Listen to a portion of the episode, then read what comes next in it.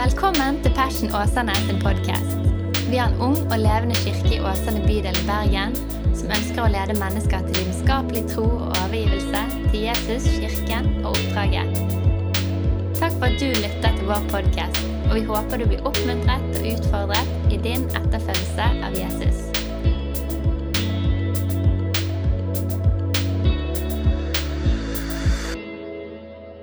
Hello, Passion-familie. Utrolig godt å være sammen. Ja, sammen over skjerm, siden vi ikke kunne møtes ansikt til ansikt pga. at vi alle er en stor del av den nasjonale dugnaden mot koronaspredningen, sånn at flest mulig mennesker kan erfare å ikke bli syk, men òg forhåpentligvis mange mennesker spare livet sitt. Men vi fortsetter å feire gudstjeneste sammen, men fra hverandre. Og vi går videre på serien vår som heter Moderne myter. Og Vi har snakket om eh, identitet, vi har snakket om frihet, og i dag skal vi hoppe videre. Og Bakgrunnsteksten for denne serien her er de velkjente ordene som Paulus sier til menigheten i Colosseum. Og det er akkurat som disse ordene her er tidløse og gjelder alle mennesker på alle steder som ønsker å følge Jesus. Han sier 'pass på'.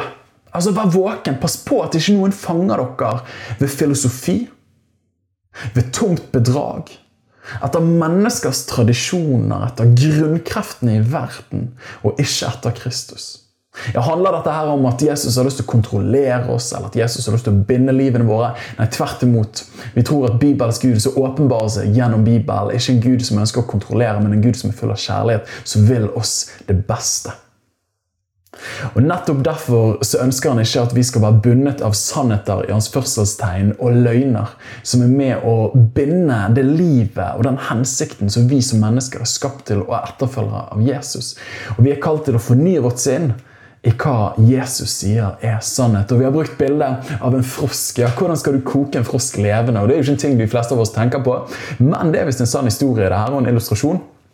Nemlig at Skal du koke en frosk levende, så hiver du den ikke oppi kokende vann, for da hopper frosken ut igjen med en gang. Og Sånn tror jeg det er med deg og meg. Og hadde noen liksom lansert for oss noe som kommer i framtiden, så ville vi tenkt nei, dette her er ikke mulig.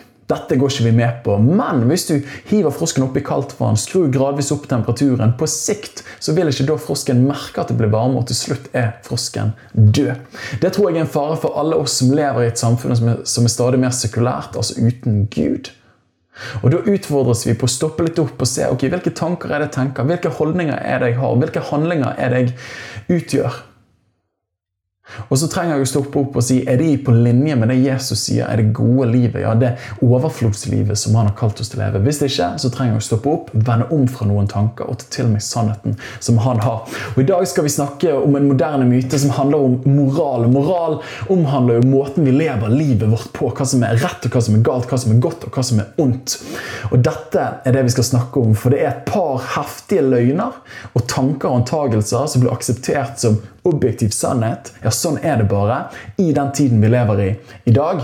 Og det ønsker vi å ta en titt på. Jeg skal ta spinne ut fra en av de mest velkjente historiene i Bibelen. Nemlig det første, eh, første, boken og det tredje kapittelet og det første verset. Skapelsesberetningen. Og på slutten av den, når Gud har skapt alt, og han sier 'It is amazing', så kommer det en fascinerende historie, men òg en hjerteskjærende historie, der vi får et innglimt i menneskets urhistorie. Hvordan det hadde seg når mennesket var i begynnelsen, og hvordan all ondskap, nød, ja, synd kom inn i verden. Og vi leser i Jesu navn. Slangen var listigere enn noe annet dyr som Herren Gud hadde gjort på marken. Han sa til kveen, har Gud virkelig sagt dere skal ikke ete av noe tre i hagen. Jeg har hørt på det. Noe som djevel sier. Ja, har Gud virkelig sagt? Kan du kjenne igjen den stemmen der? Men kvinnen svarte slangen. Vi kan ete frukten av trærne i hagen, men om frukten på treet som er midt i hagen, har Gud sagt dere skal ikke ete av den og ikke røre den, ellers skal dere dø. Da sa slangen til kvedene dere skal slett ikke dø. Tenk å være så cocky og bare avfeie det Gud sier så kontant som det. For Gud vet at på den dagen dere eter det, skal øynene deres åpnes. Det er akkurat som han her insinuerer at Gud holder tilbake noe godt for dere. Dere skal bli slik som Gud og kjenne godt og ondt. Da kvinnen så at treet var godt å ete av, at det var en lyst for øynene og tre til begjær siden det kunne gi forstand, tok hun av fruktene og åt, og hun ga også sin mann som var hos henne, og han åt. Noen enkle ord, men en utrolig tragisk skildring av opphavet til så mye ondskap i verden. Og Vi skal dykke dypere inn i dette her. Moderne myter og moral. Jeg ber en enkel bønn. Jesus, takk for disse øyeblikkene her. Og Jeg ber om at ditt ord skal få lov til å nå våre hjerter. Og at det skal få lov til å fornye vårt sinn, sånn at vi enda mer kan få lov til å leve i etterfølgelse av deg, og ikke følge løgner eller andre stemmer som ikke leder til et godt liv. Og hva sier du der hjemme? Du sier amen. Du, jeg husker godt tilbake til barndomsårene. Jeg hadde en venn som eh, var veldig gøy å være sammen med veldig mange ganger. Men når vi lekte eller skulle spille spill, så kunne han plutselig stoppe leken og komme med nye regler og påpeke at vi andre gjorde feil. Og det som var litt sånn her bemerkelsesverdig, var jo at det var alltid i hans favør. Og vi andre rundt, og jeg kunne protestere og si nei, reglene er sånn som dette her. Du, jeg har lekt dette her før. Jeg har spilt dette spillet hjemme med mamma og pappa. Og så kunne han si nei, men reglene er ikke sånn som du har lært. Du har lært feile regler. Ja, Hvem kunne vel egentlig avgjøre hvem som hadde rett av oss? Og litt sånn tror jeg det er òg i samfunnet vårt i dag. Forrige helg så hadde jeg og min kone gleden av å være sammen med en menighet på Stadlandet helt nord i Sogn og Fjordane. Og Der skal de nå bygge vindkraft. Og Dette syns de i Oslo er helt ok. Mens alle som bor på Stad, mener at dette er skikkelig galt. Er du med meg? Her er det to ulike meninger om hva som er rett og hva som er galt.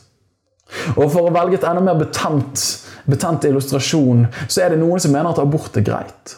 Mens andre som mener lidenskapelig at det ikke er greit i det hele tatt.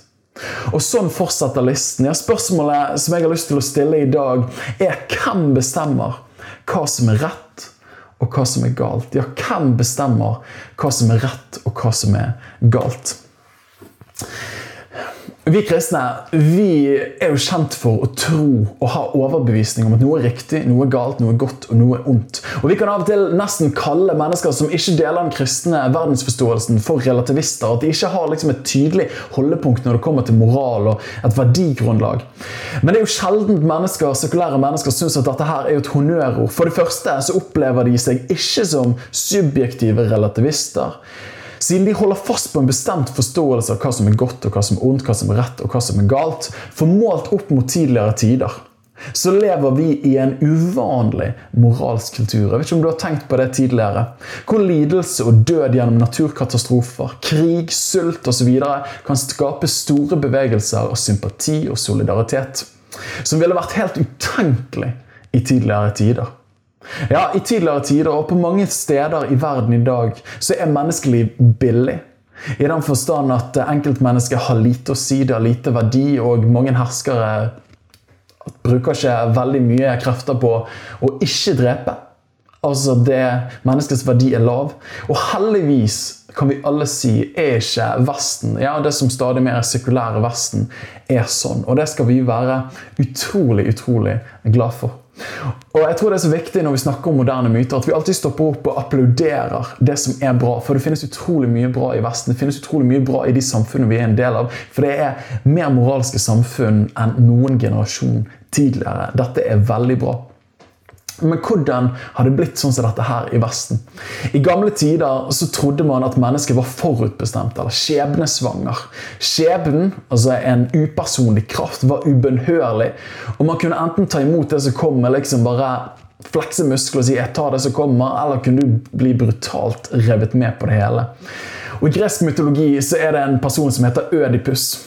Og eh, denne historien uttrykker denne holdningen skikkelig bra. For han var forutbestemt, ifølge et orakel, til å drepe sin far og gifte seg med sin mor. Det er jo en crazy, ekkel historie. Men uansett hvor mye han prøvde å kjempe imot, så var det det som skjedde. Men denne holdningen her, som kommer til uttrykk i dette greske tragedien her, denne mentaliteten av at det som skjer, det skjer fordi det er forutbestemt, og vi kan ikke gjøre noe imot det, dette kom kristendommen og utfordret denne holdningen at det var en upersonlig kraft, orden, bak det hele. Så kom den kristne troen med læren om en personlig Gud. Mennesket var skapt i Guds bilde som ansvarlige og moralske mennesker. Hvor Gud brydde seg om hvordan vi levde, og vi skulle stå ansvarlig for livene våre. En helt annen tankegang. Ja, Du var ikke bare forutbestemt, du har et valg. Og Gjennom hele Bibelen finner vi også en moralsk lov som viser oss hvordan vi skal leve, og hvordan vi skal bli dømt når våre dager er gjort opp her på jorden. Og Den kristne lære vant fram og har dannet grunnlaget for så mye av den vestlige forståelsen av hva som er rett og galt. Ja, den kristne lære. Den kristne lære lærte at hver enkelt, hvert enkelt menneske har en ukrenkelig og iboende verdi. Hva kjenner vi i det som i dag? Jo, menneskerettigheter. Ja, grunnlaget for en forståelse om menneskerettigheter bygger på den kristne verdien av enkeltmennesket, som var uhørt i tidligere generasjoner. Ja, alle mennesker har lik verdi, uavhengig av bakgrunn, hudfarge, kjønn osv. Dette er en grunnsannhet i Det nye testamentet. Ja, hva kjenner vi dette som i dag? Jo, sosial rettferdighet.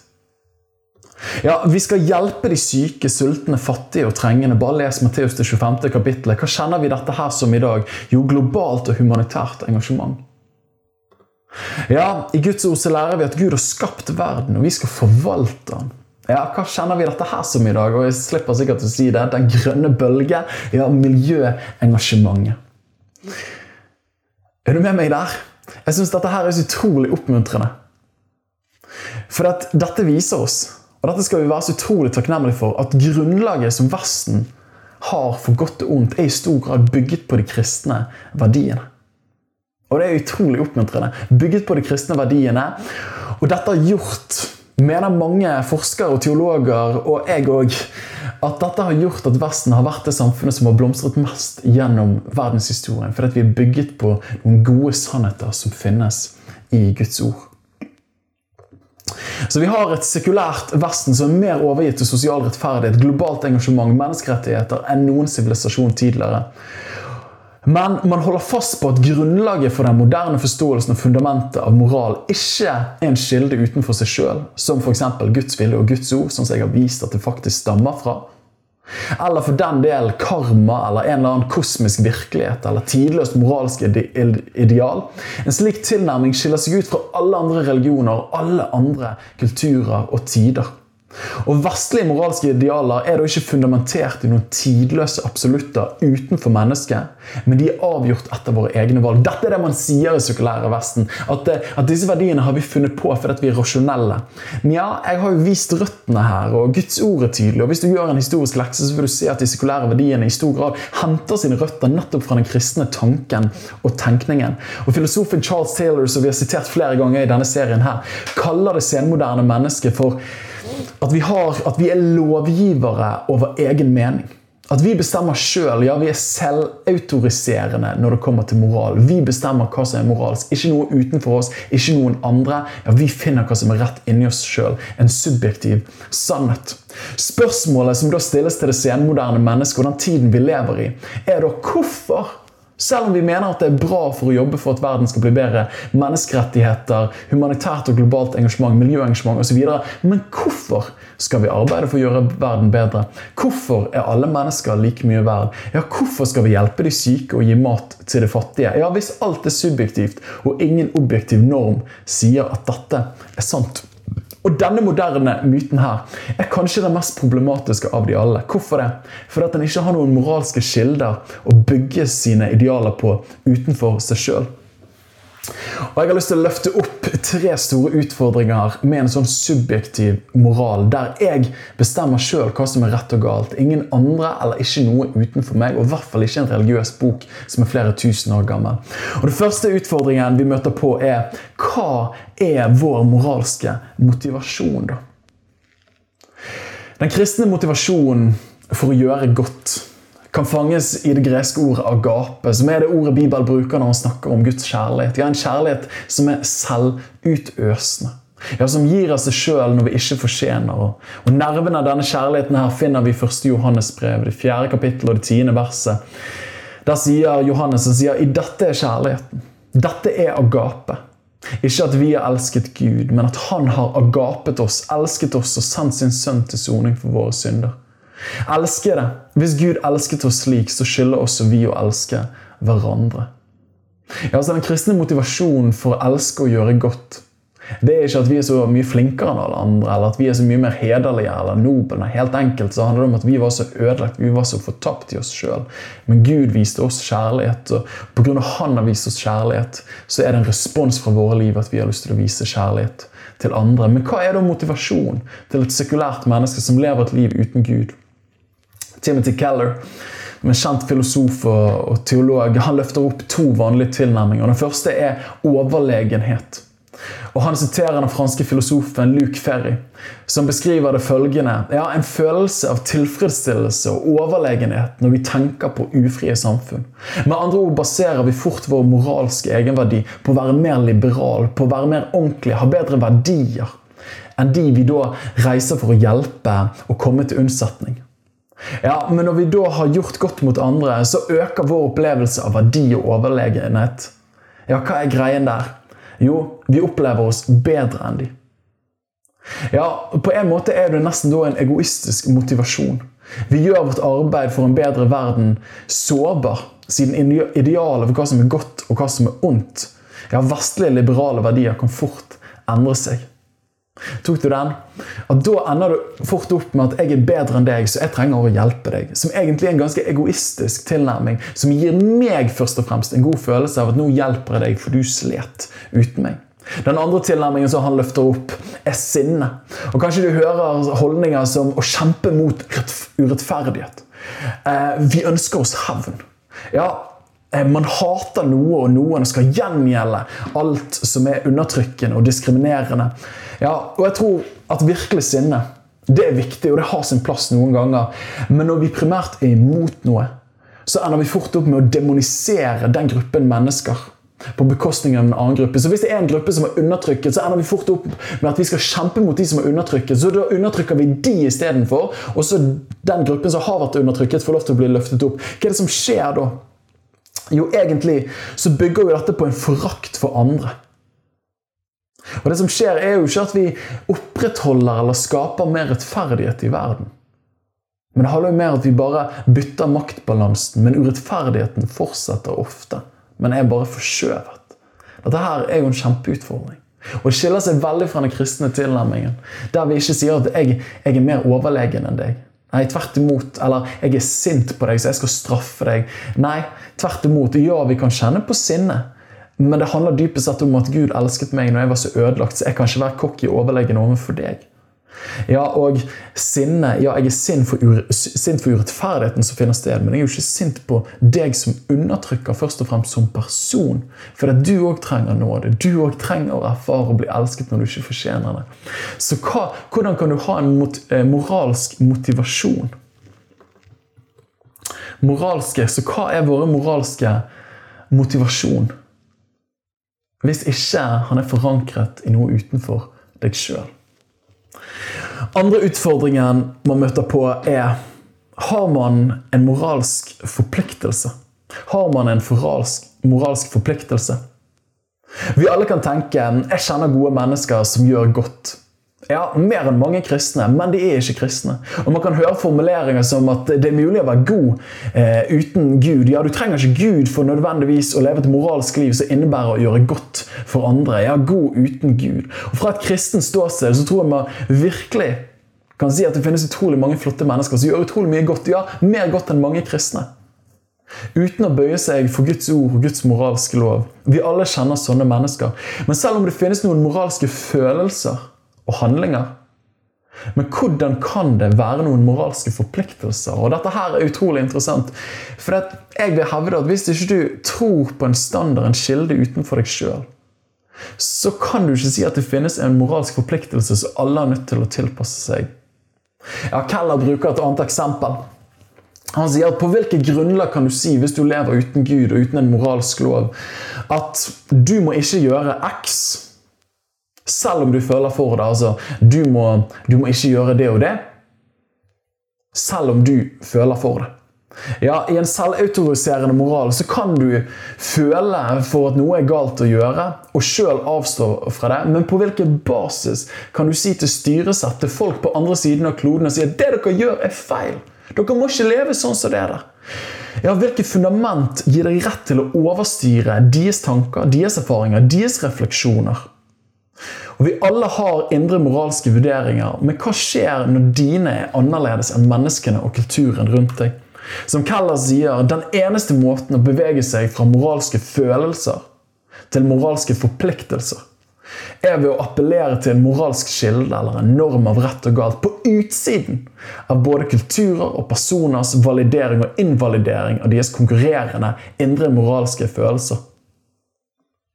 Enhver kultur inntil oss har hatt en slik mekanisme at vi appellerer til hvordan folk bør leve, siden hver kultur har hatt en grad av konsensus for dette er rett, dette er galt, utenfor mennesket. Men den kulturen vi lever i nå, har ikke det. Ja, det sekulære Vesten som ikke tror på Gud, men på at mennesket er alt som er, og at vi har utviklet oss så biologisk evolusjonært.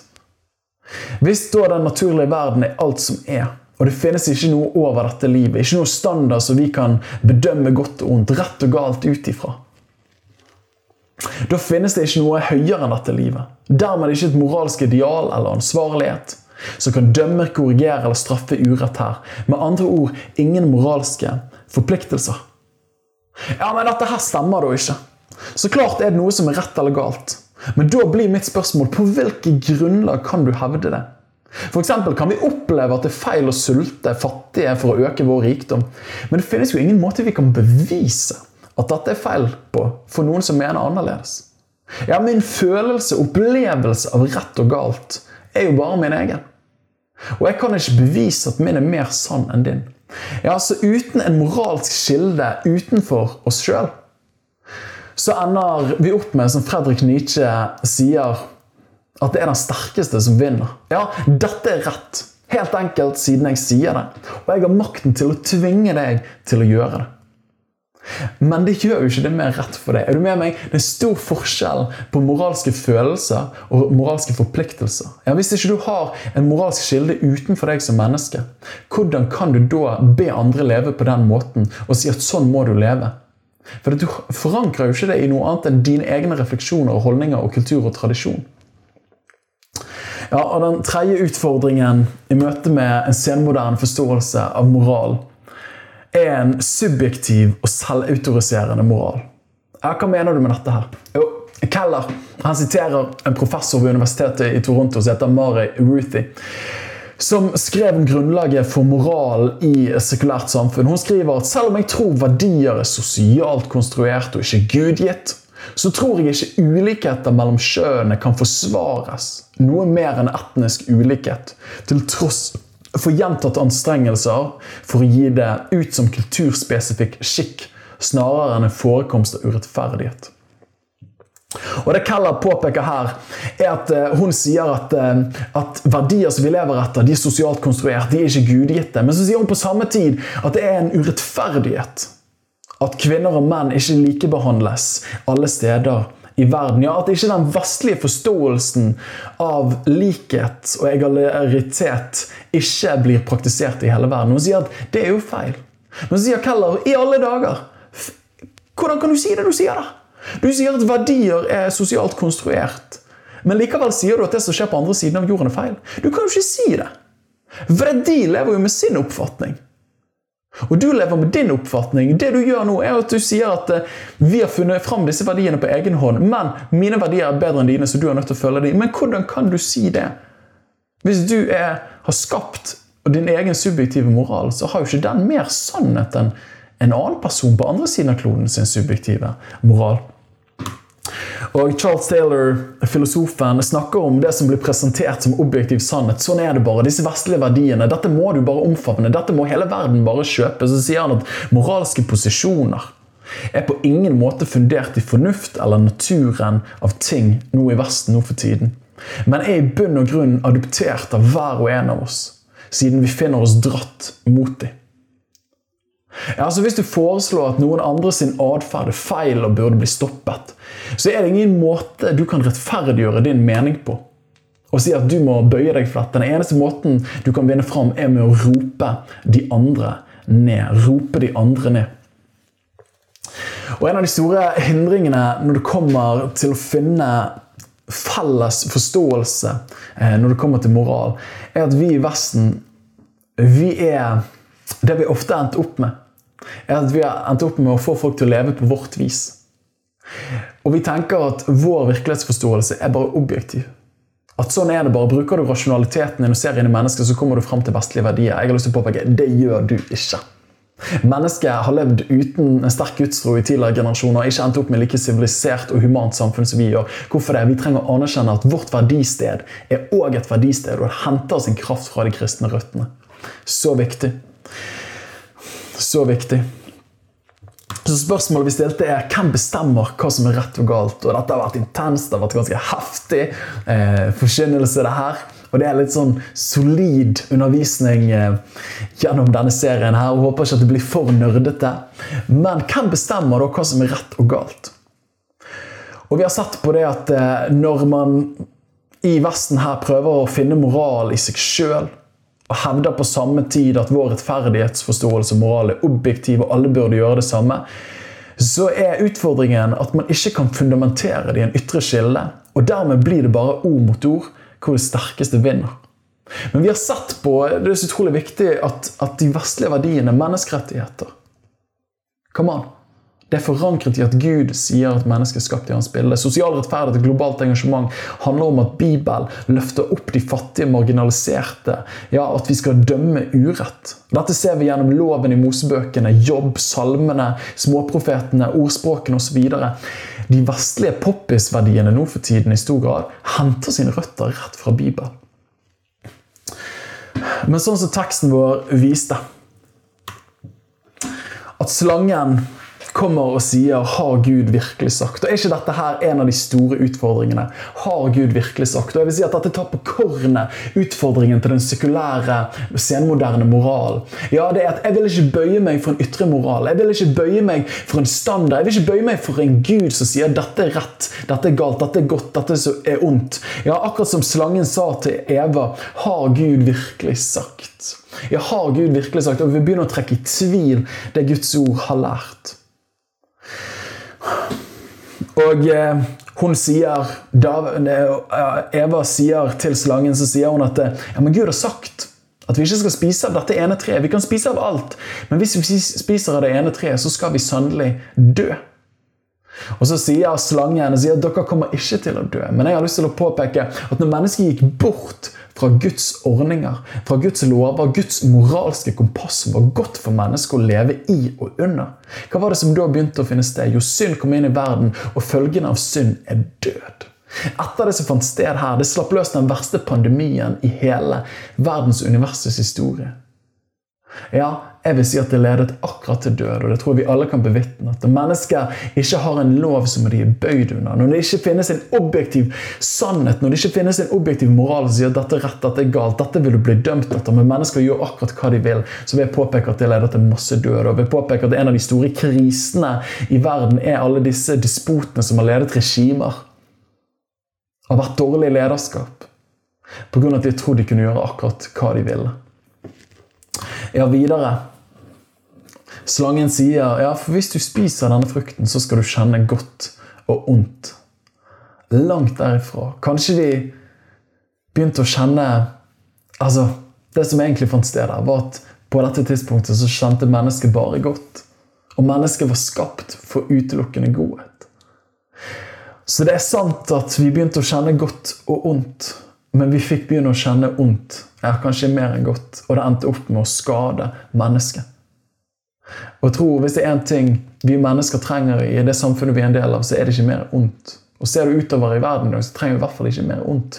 Vi trenger godhet. Vi trenger å komme tilbake til den standarden, til de reglene, til de rammene som Gud hadde satt opp for mennesket. Og Dette er òg en billedlig tekst som er med å fortelle oss at når vi bøyer oss for de forordninger og de lover og bud som Gud gir, så er det fordi at han vil oss sitt beste. Og så sto det at det var en lyst for øynene hennes. Så er det ikke sånn.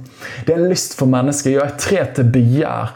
Ja, det så ut som det var godt å ete av. Og det har jeg lyst til å si til oss som lever i den tiden her, at det er utrolig lett for deg og meg pga. denne kulturen, der sannhet er subjektivt, der jeg føler for det. Og vi hører utsagn som at uh, du må gjøre akkurat hva du vil.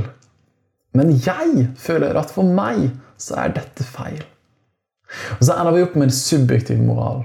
Der vi bygger det på ja, men hva jeg føler for. Ja, Det er en lyst for oss, det er en tilbøyelighet for oss mennesker å ikke ville bøye seg for Guds moralske kilde utenfor oss sjøl. Men det er en lyst for oss å ville velge sjøl og bestemme sjøl. Men jeg tror at Gud har en objektiv standard som mennesket valgte bort i hagen, og som mennesket ikke vil anerkjenne i dag. Men hva er da denne standarden her? Jo, Gjennom Gamle testamentet så møter vi mange bud og forordninger, og mange av de er borte i dag. Og eh, Reformatoren Sean Calvin deler budene og loven inn i tre lover. Den første er sivile lover, som omhandlet Israel som et teokrati. de er ikke, de er ikke lenger gjeldende i dag. Det var seremonielle lover som handlet om offerordningen. De gjelder ikke i dag. Men så er det de moralske lovene som sier noe om hvordan mennesket skal leve i møte med seg sjøl og andre. Og Disse moralske lovene blir bekreftet i Det nye testamentet av Jesus og de andre forfatterne. Dette kalles også i Nytestamentet gjerne for Kristi lov. Og noe av summen av den moralske loven finner vi i andre Mosebok i de ti bud. Jeg skal ikke lese opp alle de ti bud her for deg, men du ser deg på skjermen. Du skal ikke ha andre guder enn meg. Du skal ikke misbruke Guds navn. Og hvorfor er disse ja, Du skal holde hviledagen hellig, du skal hedre din far og din mor, du skal ikke slå i hjel, du skal ikke bryte ekteskapet, du skal ikke stjele. De fleste mennesker vil si at dette her stemmer intuitivt. Ja, Spør du en person og sier du, er, er det greit å drepe, så vil du, selv om de ikke har en kristen bakgrunn, vil si så klart er det greit å drepe. Ja, Er det greit å lyge? Nei, så klart skal du prøve å ikke lyge. Dette er noe som teologene kaller for allmennåpenbaring. Hva betyr det? Jo, det betyr at Guds standard, Guds moralske lov, det er ikke sånn at du må kunne Bibelen alltid veldig godt for å forstå at noe er rett og noe er galt. Vi er preget av den kristne kulturarven, selv om ikke folk vet det i dag. Men likevel så tror jeg at det ligger noe dypt i mennesker som sier at det å drepe det er ikke bra. Det å stjele er ikke bra. Hva handler det om? Det er en allmennåpenbaring. Guds standard ligger i naturen. Det er åpenbart for alle. Og Paulus sier det sånn som dette her når han skriver i Romerbrevet. For når mennesker som ikke har loven, de som ikke kjenner Gud, de som ikke er kristne, de som ikke kjenner standarden som Guds ord løfter opp, av naturen gjør det loven lærer, er disse sin egen lov. Ja, Selv om de ikke har loven, viser de at lovens gjerninger er skrevet i hjertene deres. Ser du det? Alle mennesker har til en viss grad en intuisjon, en følelse som sier at dette er rett, dette er galt. Hvorfor det? Fordi vi er skapt i Guds bilde. Vi er skapt til å forstå hva han mener er godt, og hva han mener ikke er bra. Om det vitner samvittigheten sammen med dem. Samvittigheten snakker. Oh yeah. Det samme gjelder tankene deres, som innbyrdes enten anklager de eller unnskylder de. Så Guds lov er et praktisk uttrykk for hans karakter. Og det er så viktig å si det at Gud kommer ikke med regler og rammer for å trykke oss ned eller for å binde oss. Nei, men det er fordi han vil at vi skal ha liv av det i overflod, som Jesus sier i Johannes 10.10.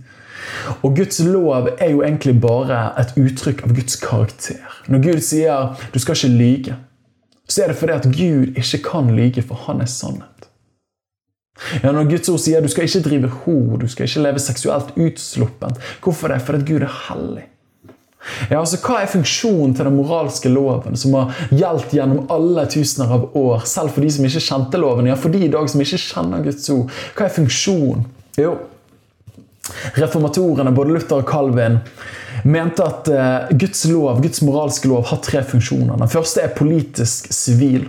Det gir et rammeverk ja, for hva som er godt for et samfunn å bygge på. Og jeg vil påstå at Det er ganske bra for et samfunn å bygge på at at ekteskapet er mellom en mann og en kvinne, og det er en pakt. At ikke alle bare løper rundt og har seg med hverandre. Ja, Jeg tror det er bra for et samfunn at vi prøver å ikke lyge, men vi taler sant. Bare se på de land der det er mye korrupsjon. Det er forferdelig, og det er med å forhindre at landet og befolkningen blomstrer og velstand og folk får det bra. Ja, Du skal ikke slå i hjel i et samfunn der det er mye mord og krig. Det er ikke et godt sted å være. Er du med meg? Det har en sivil og politisk funksjon. Det andre det har en pedagogisk funksjon, som er mer en teologisk forståelse. At det viser oss at vi kommer til kort så vi begynner å innse at vi trenger Jesus. Men så har det òg en didaktisk funksjon.